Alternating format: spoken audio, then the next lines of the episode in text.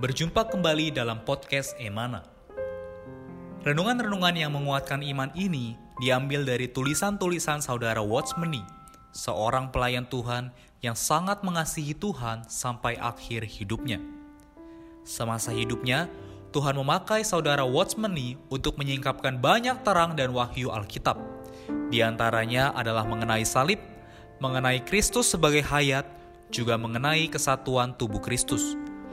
Kami berharap kehadiran podcast Renungan Emana, khususnya di masa pandemi virus hari ini, dapat menghibur dan menguatkan iman Anda. Podcast Renungan Emana dapat Anda dengarkan melalui aplikasi Emana dan Spotify. Anda dapat menghubungi kami pada nomor hotline Emana di 0851 5677 2397 Sekali lagi Anda dapat menghubungi kami pada nomor hotline Emana di 0851 5677 2397. Buku-buku saudara Watchmeni secara lengkap dapat Anda peroleh di toko buku Yasmerin, Tokopedia, Google Playbook, atau di website resmi yasmerin.com. Selamat menikmati seri renungan hari ini. Puji Tuhan, saudara-saudari, berjumpa kembali dengan kami di dalam uh, pelayanan podcast Emana. Syukur kepada Tuhan, kita masih bisa menikmati firman Tuhan. Kita masih tetap disuplai dan dikuatkan oleh perkataan-perkataan Tuhan yang baru dan segar. Haleluya. Hari ini yang akan bersekutu bersama kita adalah Saudara Henry Vanuel. Halo Saudara Henry. Halo Saudara Steve, puji Tuhan. Bagaimana kabarnya Saudara Henry? Amin. Saya di sini, puji Tuhan, sukacita dan sehat. Amin. Amin. Haleluya. Puji Tuhan dan sehat, uh, sukacita dan sehat. Amin. Haleluya. Semoga Amen. saudari yang menikmati podcast ini juga dalam keadaan sukacita dan sehat. Amin. Amin. Baik, saudara-saudari, sebelum kita memulai persekutuan kita, saya ingin menyampaikan bahwa minggu ini kita membahas satu topik dari buku pembinaan dasar yang judulnya adalah membaca Alkitab. Nah, saudara-saudari, ya, judul ini mungkin adalah satu judul yang umum, namun di dalam persekutuan kami, kami ingin mengajak saudara-saudari melihat beberapa perkara yang praktis, juga prinsip-prinsip di dalam kita membaca dan mempelajari Alkitab. Nah, semoga ini menjadi bantuan bagi kita membantu kita di dalam membaca Alkitab. Nah, hari kemarin kita telah membahas mengenai prinsip-prinsip dasar membaca Alkitab bagian yang pertama. Di situ ada empat poin kalau saudara-saudari masih ingat. Yang pertama adalah menemukan fakta-fakta. Yang kedua adalah menghafal dan mengingat. Ketiga adalah menganalisis, menggabungkan, dan membandingkan. Kemudian yang keempat adalah terang Allah. Puji Tuhan hari ini kita akan melanjutkan membahas prinsip-prinsip dasar membaca Alkitab di bagian yang kedua. Ya, Saudara Henry akan membantu kita melihat bagaimana kita bisa membaca Alkitab dengan tepat. Untuk memulai persekutuan kita, saya ingin mengajak kita terlebih dahulu menikmati satu ayat di dalam Yeremia. Yeremia pasal 15 ayat 16. Saya bacakan bagi kita lalu saudara Henry akan menanggapinya. Amin. Di sini dikatakan, apabila aku bertemu dengan perkataan-perkataanmu, maka aku menikmatinya. Firmanmu itu menjadi kegirangan bagiku dan menjadi kesukaan hatiku. Sebab namamu telah diserukan atasku ya Tuhan, Allah semesta alam. Puji Tuhan. Silakan Saudara Henry boleh membawa kita menikmati persekutuan dari ayat ini. Amin. Amen. Saudara-saudari, dari ayat ini kita dapat mengetahui bahwa setiap kali Yeremia bertemu dengan perkataan-perkataan Allah, maka yang ia lakukan adalah memakannya. Haleluya. Saudara-saudari, inilah konsep ilahi yang dimiliki oleh Nabi Yeremia. Moga konsep ini menjadi konsep kita ketika kita datang kepada firman Allah. Selanjutnya kita melihat hasil dari Yeremia memakan firman Allah adalah hati Yeremia menjadi girang dan sukacita. Amin. Hal ini membawa dia berkontak dengan Yehova dan menikmati personanya yang menyenangkan. Saudara-saudari, kalau kita membaca kitab Yeremia eh, seluruh pasalnya, kita akan mengetahui bahwa situasi Yeremia, bangsa Israel dan kesaksian Allah saat itu sangat menyedihkan dan mengecewakan hati. Baik Allah dan kota-kota kota Yerusalem di bumi hanguskan, umat Allah saat itu telah meninggalkan Allah sebagai sumber air hidup dan menyembah berhala-berhala. Sehingga Allah membuang sebagian besar dari orang Israel ke Babel. Mereka ditawan oleh Nebukadnezar ke Babel termasuk perkakas-perkakas bait Allah. Sisa dari bangsa itu yang masih tinggal di Yerusalem tidak lagi percaya kepada Nabi Yeremia. Sebaliknya mereka percaya kepada nabi-nabi palsu. Di satu sisi perkara ini membuat Yeremia menangis tetapi di tengah-tengah situasi yang kacau balau itu, saudara-saudari, ada perkataan Allah yang menjadi sumber kegirangan dan sukacitanya. Oh, saudara-saudari, hanya firman Allah yang menjadi sumber penghiburan dan kekuatan bagi Yeremia saat itu. Nah, bagaimana dengan kondisi kita hari ini? Saudara-saudari, dalam situasi pandemik, kita perlu datang kepada firman Allah karena hanya firman Allah yang membuat kita bergirang dan bersuka cita. Haleluya. Amin. Puji Tuhan. Saudara-saudari, di dalam ayat yang kita nikmati baru saja, ya ada satu hal yang sangat menarik bahwa ketika bertemu dengan perkataan-perkataan Tuhan yang adalah firman Tuhan, ya Yeremia memakannya atau dalam teks kita dikatakan menikmatinya. Men, hasil dari dia menikmati firman Tuhan adalah dia mendapatkan kegirangan.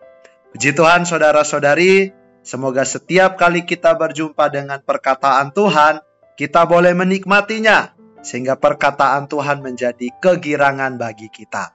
Amin. Saya akan membacakan kutipan di sini lalu saudara Henry akan bersekutu membawa kita memasuki berita hari ini.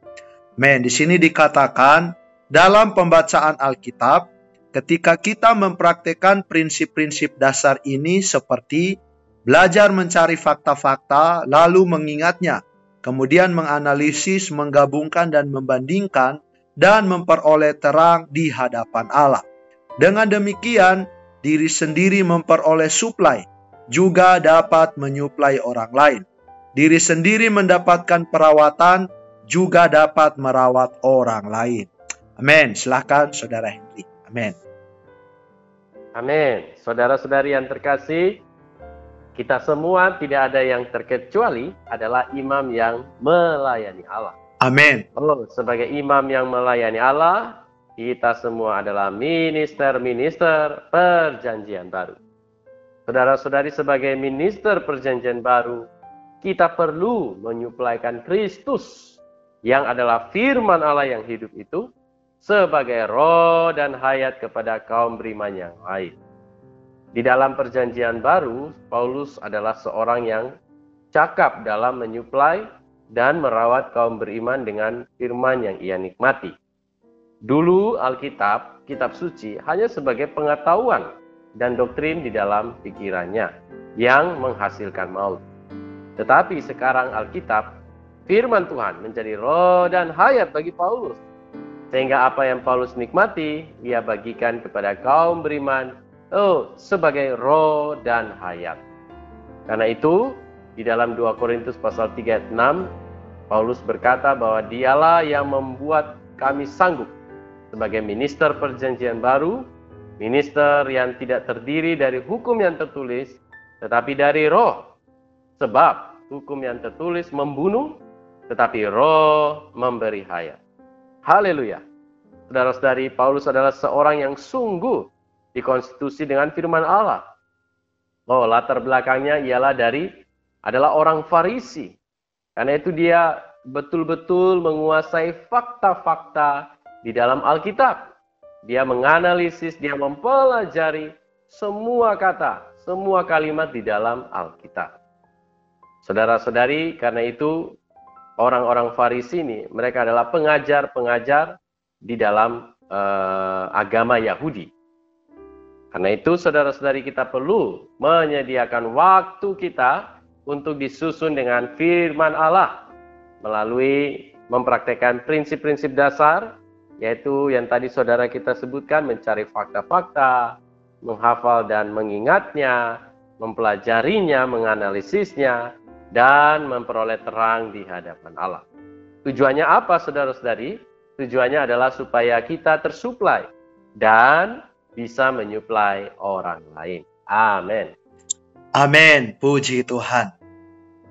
Uh, saudara-saudari dari persekutuan saudara kita, ya kita melihat satu hal bahwa kita perlu sama seperti Paulus yang terdidik di dalam fakta-fakta Alkitab, ya terdidik di dalam pengenalan akan firman Tuhan. Tujuannya adalah supaya kita bisa mendapatkan supply lalu kita juga bisa menyuplai orang lain.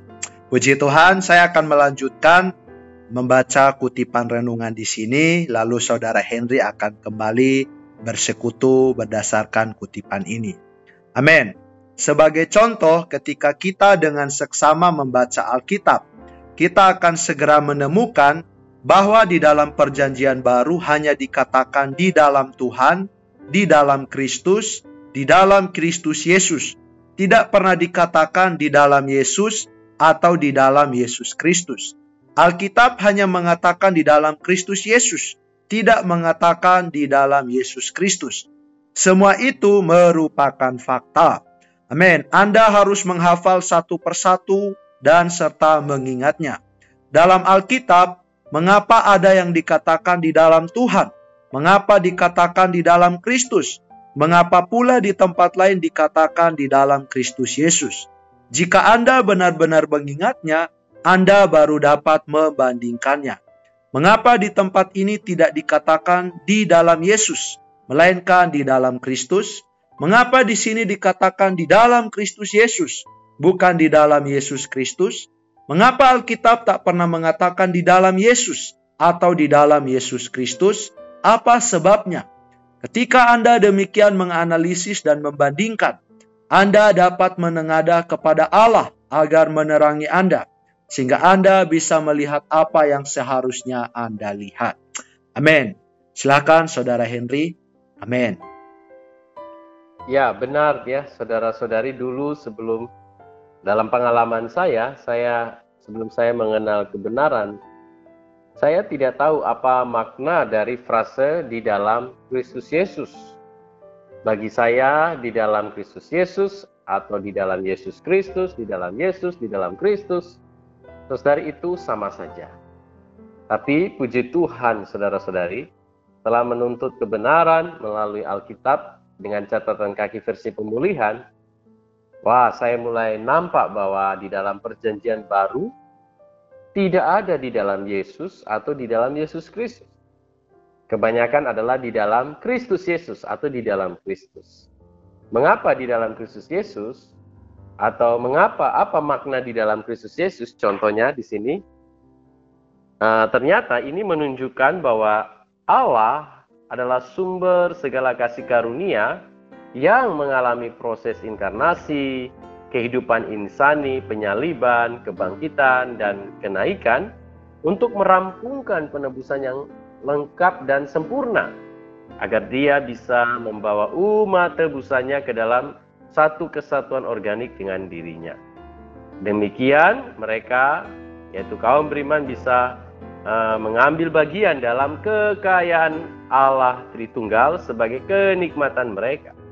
Semua langkah pekerjaan ilahi itu ada di dalam Kristus. Ya, yaitu mulai dari proses inkarnasi, kehidupan insani, penyaliban, kebangkitan, kenaikan, merampungkan penebusan lengkap sempurna menjadi roh pemberi hayat. Haleluya, supaya umat tebusannya bisa bersatu dalam kesatuan organik dengan dirinya. Nah, semua pekerjaan, langkah pekerjaan ilahi itu ada di dalam Kristus. Karena itu Paulus, Petrus, maupun Yohanes Amin. Di dalam surat-surat mereka menekankan perkara di dalam Kristus atau di dalam Kristus Yesus. Karena mereka mau menekankan bahwa Semua itu telah dirampungkan oleh Kristus yang adalah utusan Allah itu, yang diurapi Allah itu. Dialah yang merampungkan semua pekerjaan ilahi itu. Ya, dia adalah perwujudan Allah Tritunggal yang menjadi roh pemberi hayat yang al-muhid, menjadi suplai hayat yang limpah lengkap bagi kita. Wah, puji Tuhan, saudara-saudari. Amen. Amin. Puji Tuhan. Saudara-saudari, dari sharing saudara kita, saya melihat bahwa ternyata di dalam membaca Alkitab, ya kita tidak bisa sekedar atau asal membaca. Tetapi ternyata diperlukan satu macam karakter, ya di sini dikatakan perlu seksama atau perlu teliti. Sehingga ketika kita membaca Alkitab, ya kita bisa menemukan fakta-fakta seperti tadi ada contoh yang disebutkan di sini mengenai perkara di dalam Yesus, di dalam Kristus dan lain-lain. Nah, saudara-saudari, dengan berangkat dari fakta inilah ya kita bisa menengadah kepada Allah sehingga Dia bisa menerangi kita dan bisa mewahyukan hal-hal yang rohani kepada kita. Men, semoga kita boleh berlatih di dalam pembacaan Alkitab kita menjadi orang-orang yang teliti dan seksama sehingga bisa menemukan fakta-fakta di dalam Alkitab. Puji Tuhan di paragraf yang terakhir ini ada satu teladan yang baik ya kita bisa perhatikan. Saya akan bacakan sekaligus saudara Henry nanti akan bersekutu mengenai poin ini. Di sini dikatakan Paulus adalah seorang yang pandai mencari fakta. Kita lihat perkataan Paulus pada Galatia 3. Ketika dia nampak dalam kitab kejadian mengatakan bahwa oleh keturunan Adam Amin. Allah akan memberkati manusia. Paulus di sini mengatakan bahwa istilah keturunan ini bersifat tunggal, bukan jamak yang ditujukan kepada Kristus. Fakta ini telah dia temukan. Paulus membaca Alkitab sampai menemukan fakta. Fakta sedemikian ini banyak sekali terdapat dalam Alkitab. Kaya atau tidaknya seseorang akan firman Allah tergantung pada berapa banyak fakta yang ia temukan di hadapan Allah. Makin banyak fakta yang ia temukan, makin limpah dia.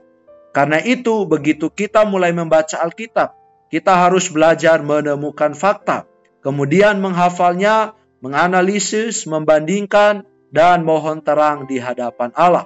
Inilah empat prinsip membaca Alkitab, satu pun tak boleh kurang. Amin. Puji Tuhan.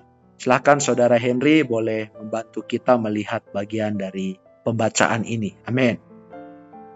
Amin, saudara-saudari. Oh, betapa kita perlu membangun kebiasaan membaca Alkitab setiap hari. Amin. Saudara-saudari minimal dalam satu hari kita bisa dua pasal, saudara-saudari. Saya mendorong, amin, khususnya saudara-saudari yang muda, kita belajar dalam satu hari untuk membaca Alkitab dua pasal. Saudara-saudari, kalau kita semakin sering membaca Alkitab berulang-ulang, maka kita akan semakin terbiasa, semakin familiar. Amen. Pasal demi pasal kita akan tahu, oh pasal ini berbicara tentang apa. Saudari, maka kita akan semakin familiar ketika kita membaca Alkitab setiap hari berulang-ulang. Oh, saudara-saudari, maka semakin kita membacanya, maka kita akan semakin menemukan banyak fakta-fakta di dalam Alkitab. Karena itu saudara-saudari kalau kita tidak membaca Alkitab, amen, tidak membangun kebiasaan membaca Alkitab, saudari bagaimana kita bisa menemukan banyak fakta di dalam Alkitab? Maka kita akan seperti saya tadi, wah Yesus Kristus atau Yesus sama saja. Padahal ini adalah satu fakta yang sebenarnya berbeda. Satu fakta yang mengandung makna rohani yang begitu mustika, mengandung terang Allah. Oh, saudara-saudari, karena itu kita perlu membaca Alkitab setiap hari. Saudari ini akan membantu kita dibawa lebih maju. Bukan hanya menemukan banyak fakta, bahkan kita akan dibawa untuk mendapatkan terang Allah yang mustika. Puji Tuhan. Amin. Puji Tuhan. Saudara-saudari, ya semoga persekutuan ini juga mendorong kita ya, mendorong kita untuk lebih memperhatikan, lebih menuntut firman Tuhan. Ya, saudara kita menyarankan adalah baik setiap hari ada pembacaan Alkitab Bahkan saudara kita mendorong kita kalau bisa dua pasal. Men, saudara-saudara, dengan sering membaca Alkitab, ya, dikatakan kita akan lebih familiar. Sehingga ketika membaca Alkitab, kita bisa menemukan fakta-fakta yang ada di dalamnya. Sehingga melalui menemukan fakta-fakta ini, kita akan dibantu untuk mendapatkan terang Allah. Puji Tuhan, semoga kita semua adalah orang-orang yang menuntut. Ya, kita sama seperti Paulus adalah orang-orang yang jeli mencari fakta-fakta di dalam Alkitab sehingga Amen. kita boleh menjadi orang-orang yang kaya dan limpah akan firman Tuhan. Amin. Untuk menutup persekutuan kita dalam kasih saya minta saudara Henry boleh berdoa untuk kita semua. Amin. Amin. Mari saudara-saudari kita berdoa. Amin. Oh Tuhan Yesus, terima kasih Tuhan. Amin. Atas Alkitab, ya. atas firman-Mu Tuhan. Amin. Oh Tuhan ini sungguh satu harta mustika yang Kau tinggalkan bagi kami. Amin. Tuhan kami memiliki roh di dalam kami. Amin. Yang membantu kami untuk mem oh Tuhan memiliki satu hikmat. Oh Tuhan membaca Alkitab. Amin. Oh Tuhan menganalisa, oh mempelajari, menemukan fakta-fakta Amin. Oh, terlebih lagi Tuhan, kami kami perlu terang Allah. Amin. Oh, sehingga Tuhan firman-Mu ini betul-betul menjadi kegirangan. Firman-Mu ini menjadi sukacita. Amin. Oh, terlebih di dalam masa pandemik, masa yang serba terbatas ini. Amin. Tuhan, terima kasih. Semoga kami seperti Yeremia Amin. Ketika kami bertemu dengan perkataanmu kami memakannya. Amin. Oh Tuhan Yesus, terima kasih Tuhan. Amin. Dan hari-hari kami terus membangun kebiasaan membaca Alkitab. Amin. kami semakin menemukan banyak fakta. Membawa kami lebih maju untuk mendapatkan terang Allah yang mustika. Amin. Terima kasih Tuhan kami mengasihi firman-Mu. Amin. Dalam namamu kami telah berdoa. Amin. Amin. Puji Tuhan. Terima kasih Saudara Henry atas persekutuannya hari ini. Amin. Di depan semoga kita bisa berjumpa kembali sama-sama menikmati firman Tuhan. Amin. Kami juga mengucapkan terima kasih untuk saudara-saudari yang mendengarkan podcast ini. Kiranya firman Tuhan hari ini terus menguatkan dan meneguhkan kita di dalam penuntutan akan Kristus. Amin. Mulia bagi Tuhan. Sekian podcast Renungan Emana hari ini. Kami akan kembali pada seri berikutnya. Anugerah dari Tuhan Yesus Kristus dan kasih Allah dan persekutuan Roh Kudus menyertai kita semua.